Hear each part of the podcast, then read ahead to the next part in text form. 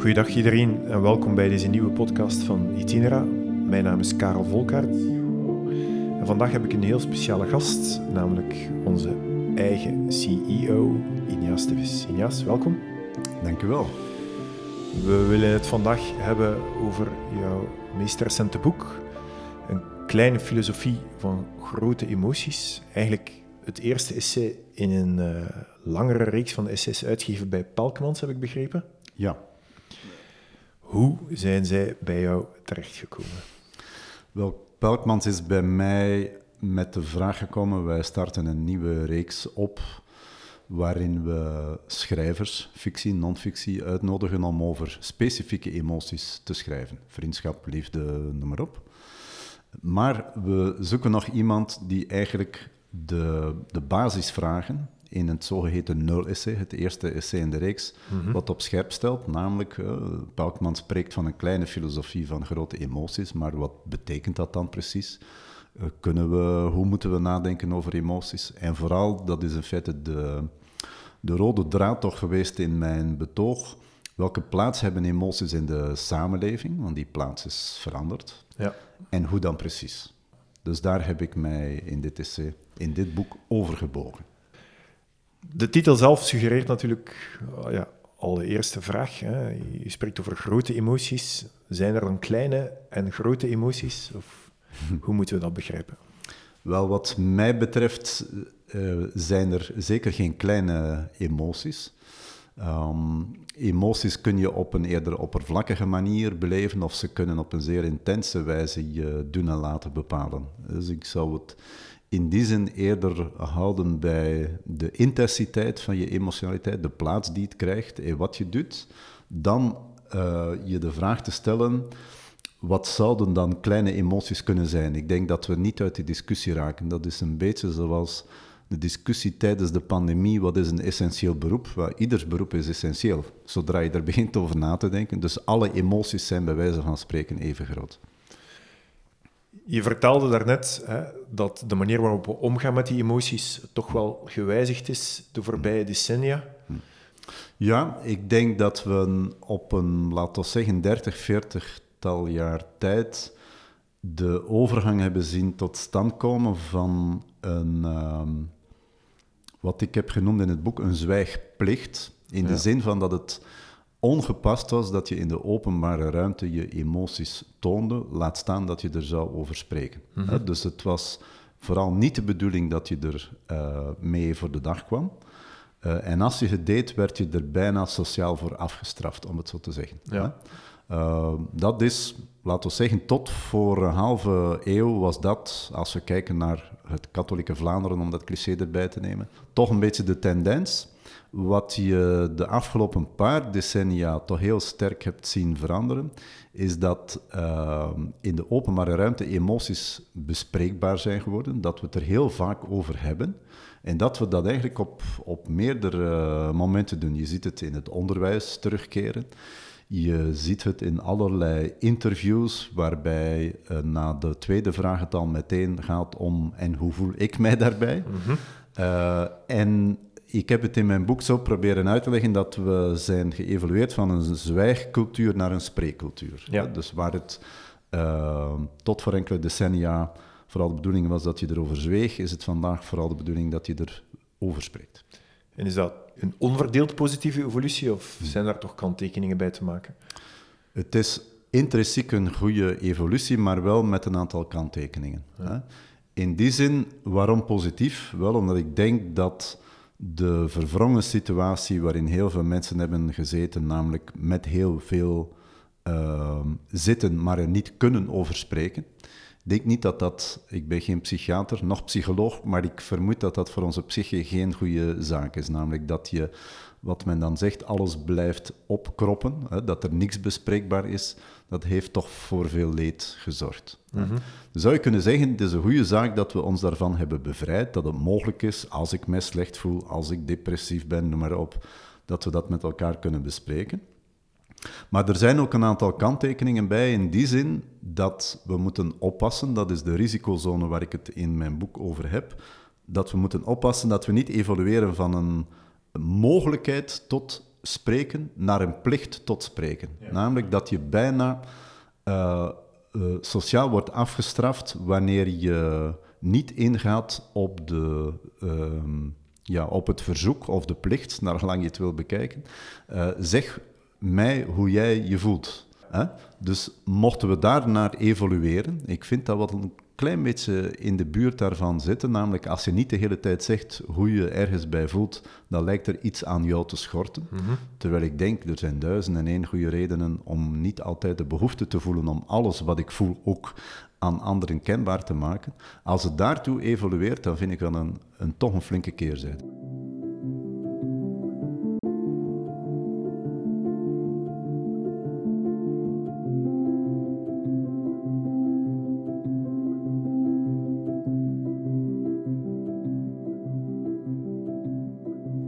Begint en eindigt je boek met een verhaal over je grootvader, maar je gaat tussenin ook heel erg in op eh, de situatie van jongeren. Je beschrijft ook op een bepaald moment hoe die zwijgplicht, zeg maar, uit de jaren 50, 60, 70, mensen wel vaak depressief maakte. Zeker jongeren deed kampen met hun zelfbeeld. Tot op zekere hoogte zou je kunnen stellen, en misschien is dat ook die keerzijde waar je het daarnet over had, dat we diezelfde fenomenen nu ook zeker bij jongeren terug zien, hè, waar die mm. spreekplicht, hè, waar je het daarnet over had, heel erg speelt. Hè. Niet meedoen op sociale media is een absolute no-go geworden. Ehm, dus ja, waarvan hebben we ons dan precies bevrijd, zeg maar? Ja, zeer terechte vraag. Het is ook een vraag die ik in het boek probeer uh, uit te spitten, omdat als je inderdaad evolueert naar een, naar een dwang dat heet dan de vrijheid om de juiste keuzes te maken. Hè? Ja.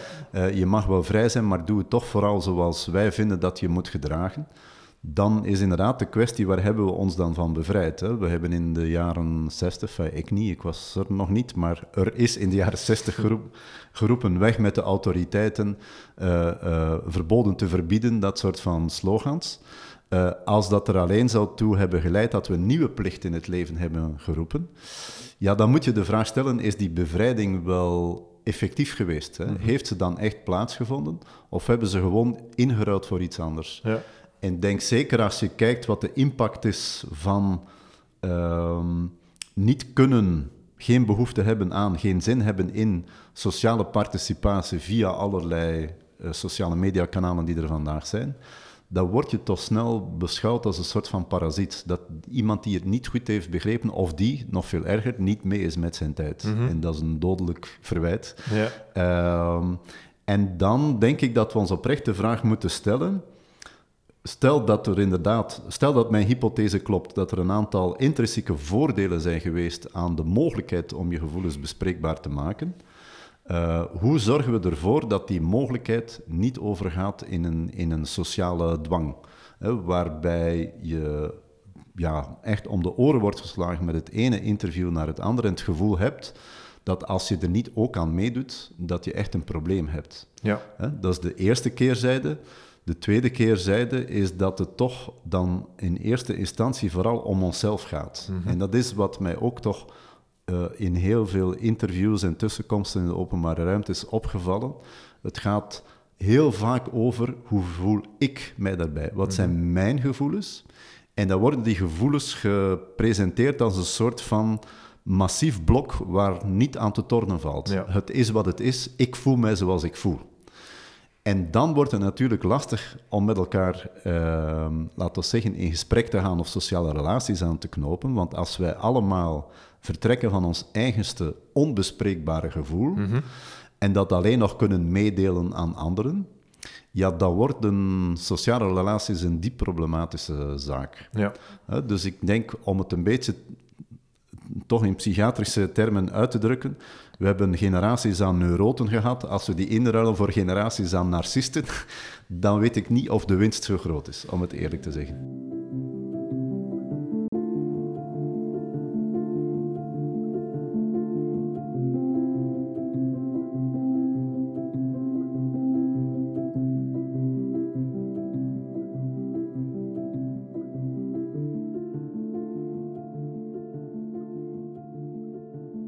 Inderdaad, je beschrijft het ook in je boek, eh, hoe het waarschijnlijk niet langer het collectief of het groter geheel of de groep is die bepaalt wie of wat we zijn.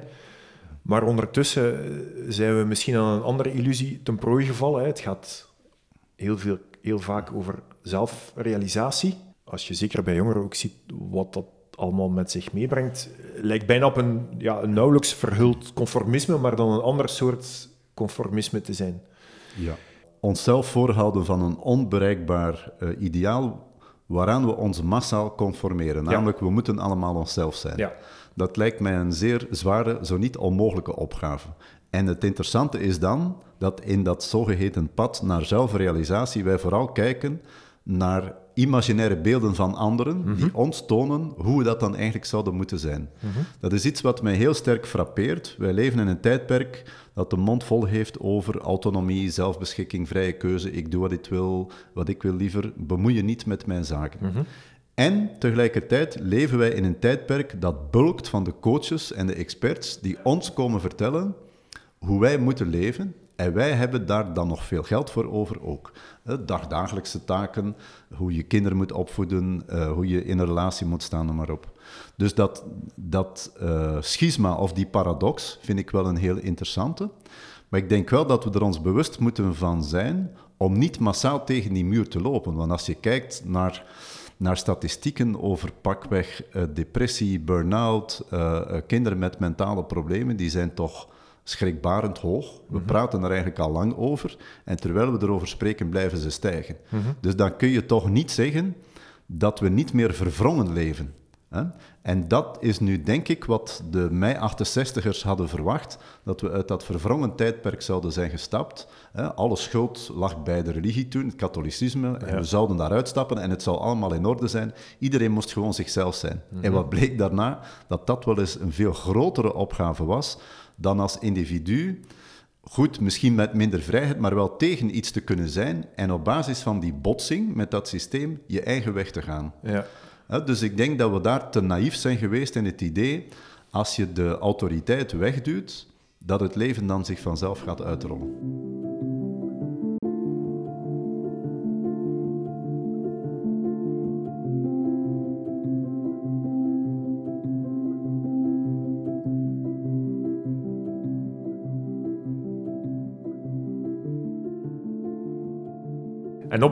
Dat moeilijke pad hè, naar die illusoire zelfrealisatie, als het dan toch niet lukt, schuiven we de schuld vaak in de schoenen van iemand anders. Het is bijna nooit onze schuld. Hè. Je haalt er Odo Marquardt, hè, de ja. Duitse filosoof, bij. Marquardt is, is voor mij inderdaad een, een, een voorname bron van, van inspiratie. Duits filosoof, theoloog, enkele jaren terug uh, overleden. Hij spreekt onder meer over wat hij noemt homo compensator. Mhm. Dus wij zijn een wezen dat er, toe, dat er naar neigt om ons eigen ongemak te gaan compenseren door het af te schuiven op anderen. En wat bedoelt hij daarmee? Als je leeft in een tijd zoals de onze, uh, met een heel sterk controle-ideaal, want dat is toch een beetje waar we allemaal moeten naar streven, onszelf in, onder controle hebben en alle condities waarbinnen we leven ook gaan controleren. Wel, zegt Markhart, als er dan één categorie is waar wij geen weg meer mee weten, dan is het toeval. Mhm. Namelijk dat er zomaar iets kan gebeuren zonder dat er eigenlijk iemand de schuld aan heeft. Ja. En als je dat een beetje koppelt aan die zelfrealisatie, dan zie je dat op de momenten dat het goed gaat, dat wij onszelf op de borst kloppen om te zeggen: Kijk eens hoe geniaal ik ben, wat ik allemaal heb gepresteerd. Dankzij mezelf ben ik zo ver geraakt. En dat we dan eigenlijk vergeten wat de toevalsfactoren zijn geweest. Maar als het negatief is, namelijk iets valt tegen, dan hebben we de neiging om bij anderen te gaan zoeken wat er bij mij fout loopt. Ja. En dus gaan we dan die schuld afschuiven door te zeggen, ja maar het systeem, ja maar jij dat, ja maar mijn ouders, mijn DNA, mijn brein werkt niet naar... en zo verder. En dat mechanisme, als je dat een beetje vastneemt en je kijkt naar wat er maatschappelijk allemaal beweegt, dan zie je dat dat wel degelijk sterk aan het werk is vandaag. Mhm. Dus zijn, zijn punt was daar, hoe kun je die naar zijn inschatting, en ik, ik volg hem daarin, te grote nadruk op controle en totale zelfrealisatie, hoe kun je dat een stukje terugdringen door meer te gaan nadenken over, ja, natuurlijk hebben we een aantal zaken zelf in de hand, maar niet alles. En daar beter te leren mee omgaan met al de categorieën zoals rotsbestemming en toeval. Dat klinkt echt antiek Grieks. Maar die dingen spelen natuurlijk nog altijd een rol. Alleen lijken we er geen plaats meer voor te hebben in ons ideaal van we hebben het allemaal zelf gerealiseerd. Hoe moeten we dan wel of beter omgaan met onze emoties voor onszelf en in de samenleving? Om te beginnen, een, het tegengaan van de neiging dat er voor alles een oplossing zou moeten zijn. Daar is ook een isme voor. Solutionisme heet dat dan. Je hebt de neiging om voor alles een oplossing te zoeken. Dat een stukje tegen te gaan. Hmm. Maar om het nog wat diepgravender te stellen. Ik heb zelf altijd de neiging gehad, als we vandaag met een probleem worstelen, om terug te keren naar de antieke Grieken. En met name de Griekse tragedies. Omdat daar toch in heel sterke mate het, het emotionele palet van de mens en, en alles wat eraan gekoppeld is in kaart is gebracht. En waarbij je inderdaad ook ziet, uh, ik noem dat de mens is een struikelend wezen. Als alles perfect gaat, organiseren we wel iets waardoor het weer mislukt. Dus de, de gedachte dat je uh, als mens in een menselijk leven niet vrij bent van gesukkel, van gevriemel, van, van frustraties, van dingen die fout lopen, is niet iets wat je per definitie kan wegwerken, maar behoort eerder tot de tragiek van het leven. Mhm. Dus ik beschouw de mens als een tragisch wezen. En ik denk dat onze tijd moeite heeft om die tragiek nog ergens een plaats te geven. Net door die neiging van alles is oplosbaar of uh, aan alles is een duidelijke oorzaak of schuldige verbonden. Ja. Dus de gedachte van dat iets gebeurt zonder dat ik het heb gewild of anderen hebben het gewild, omdat het nu eenmaal gebeurt. Ik word geboren met een bepaald DNA, dat is niet allemaal perfect, in tegendeel. Dat is bij iedereen zo. Dat we daar weer een betere plaats moeten voor vinden, daar denk ik kunnen de Griekse tragedies ons nog bijzonder veel van uh, mee opsteken.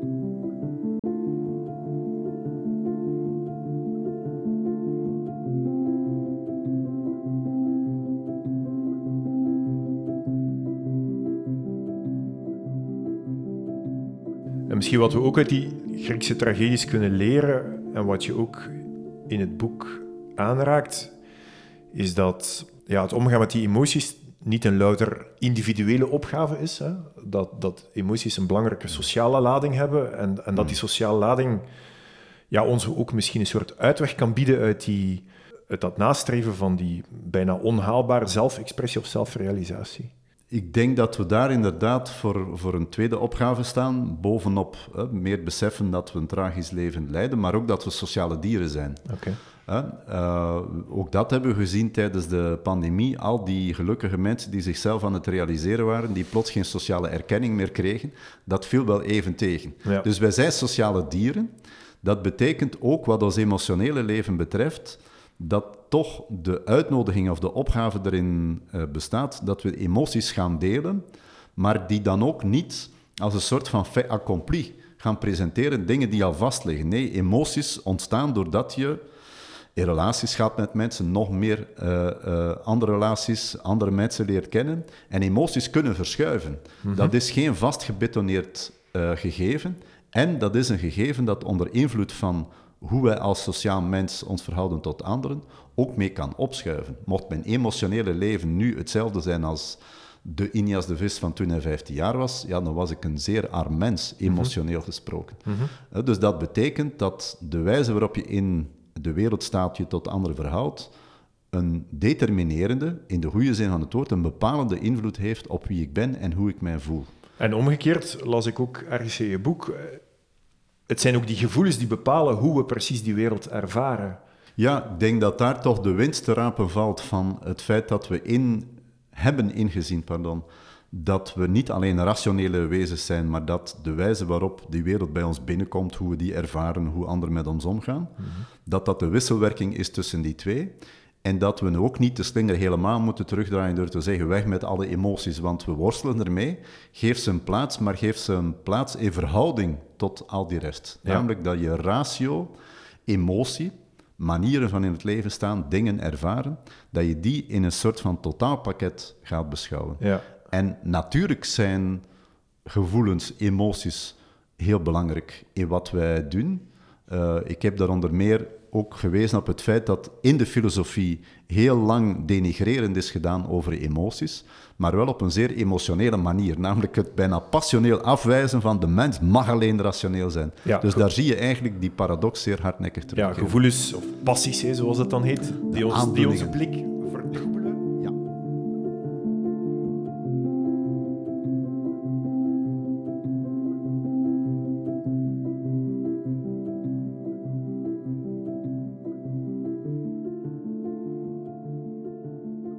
denk dat de gezondheidssector, zorg, bij uitstek een plaats is waar je eigenlijk die verschuiving hebt gezien. We komen uit het systeem dat als paternalistisch werd omschreven, namelijk de arts wist beter dat jij wat goed was voor jou. Dat aanvaarden we niet meer, logischerwijze. Eh, en er is een groter eh, belang aangemeten en terecht van hoe patiënten zorg ervaren. Dat kan gaan van wat doet pijn met mij, naar, weet ik veel, eh, eh, ex-kankerpatiënt in een nazorgtraject. De ervaring van wat deze persoon voelt, heeft doorgemaakt, wordt nu veel ruimer erkend dan voorheen. Omdat men toen louter keek naar een patiënt als een soort van fysisch gebeuren waarbij een arts interventies pleegde en that's it. Nu zie je dat eh, door ja, bon, de evoluties die we maatschappelijk hebben gekend, dat ook doorleeft. Namelijk dat patiënten in staat gesteld worden om hun gevoelsleven, wat tenslotte een bepalende factor kan zijn in hoe je eruit raakt uit dat hele gebeuren, dat die een, een plaats krijgen in dat klinische proces in samenspraak met een arts. Ja. Dus ik denk, het zou absoluut een misverstand zijn dat we dat er weer uithalen. Alleen moet je het beschouwen, een beetje zoals je vraagt daarnet, mensen zijn sociale wezens. Je moet het beschouwen als een dialoog. Dus als wij allemaal in een monoloog ons gevoelsleven op straat gooien, kunnen we er niets mee doen, want niks is inwisselbaar. Als ik alleen maar zeg, jij weet niet hoe ik mij voel, ja, dat klopt. Ik weet dat ook niet van jou. Maar dan is de vraag, daarom kunnen we spreken. En dan kan ik mij proberen in te beelden hoe jij je voelt op dat moment en kunnen we beginnen spreken. Ja, ja. En dat, dat is de vooruitgang die we kunnen boeken. Alleen moet het gericht zijn op een uitnodiging tot en geen plicht van. Je beschrijft in je boek de, de overgang of, of de kanteling van hè, het opgelegd zwijgen naar stilzwijgen. Ja. Als er een plicht tot volle transparantie zou bestaan, zijn we even slecht bezig. Ja, ik heb dat in mijn boek genoemd het belang van de stilzwijgende dingen. Mhm. Dat is dat je inderdaad veel momenten in je leven hebt eh, die intrinsiek mooi kunnen zijn, maar waarbij je in feite niet de behoefte voelt om ze op dat moment ook letterlijk verbaal bespreekbaar te stellen. Ja. Het kan zijn dat je geniet van die zonsondergangen waar je geliefde naast je zit, waar je zelfs geen woord voor nodig hebt om de intensiteit, de grote emotie, te beleven. Het kan zijn dat je ook besluit om iets niet te bespreken omdat je anders iemand kwetst. Omdat iemand iets doormaakt en alles letterlijk op tafel gooien. Hè. Die eis van zeg mij nu hoe jij je nu voelt op dat moment. Die, die, die dwangmatige eh, overaccentuering van transparantie, dat zou heel veel kapot maken. Ja. En ik denk dat we daar ook moeten voor oppassen. Dat is dat we op de duur. Hè, de, ehm, Dave Eggers heeft het beschreven in zijn roman eh, eh, De Cirkel, waar op de duur een, een politica van, en iemand die in, eh, voor het bedrijf werkt, de cirkel uiteraard, met een webcam moet rondlopen om toch maar die eis aan transparantie tegemoet te komen. Ja. Wat natuurlijk de facto tot een mislukking leidt. Dus emotioneel gesproken hè, moeten we niet de Big Brother-achtige eis gaan stellen, maar moet je de mogelijkheid bieden tot gesprek. En dat is een totaal ander gegeven dan als je daar niet aan meedoet, dan heb je iets achter te houden. En dan ben je eigenlijk verdacht, terwijl je gewoon besluit dat je op dat moment geen behoefte hebt om iets te delen.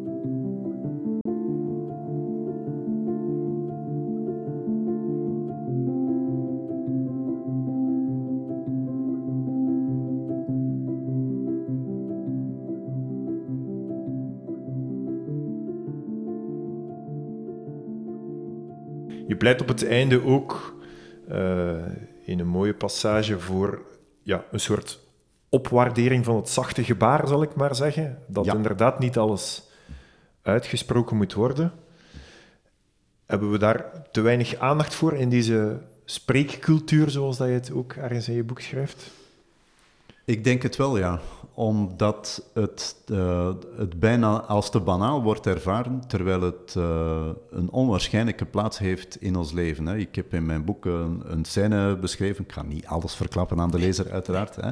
Maar ik beschrijf een scène waar inderdaad zo'n zacht handgebaar, letterlijk, de hand van mijn grootvader, een enorme impact heeft gehad op mij, om dat gebaar te zien van die toch robuuste, noest werkende man. Uh, en de subtiliteit daarvan, de veelzeggendheid daarvan, de mhm. woordeloze veelzeggendheid daarvan, vind ik duizend keer krachtiger dan iemand die zich dan, uh, weet ik veel, 17 minuten moet uitputten om te zeggen hoe hij er zich echt heeft bijgevoeld. Mm Niet dat het niet mag, hè, dat mhm. laatste, maar we mogen dat eerste niet vergeten, omdat het intrinsiek onze sociale relaties begeleidt en veel minder offensief is dan alles altijd te moeten uitspreken en dat ook te eisen van de overkant. Mm Injas, mag ik je hartelijk bedanken voor dit gesprek. En iedereen van jullie een fijn eindejaar toewensen. En we horen elkaar terug in 2024. Een niet onbelangrijk jaar, ook niet voor Itinera. Tot binnenkort. Dank u.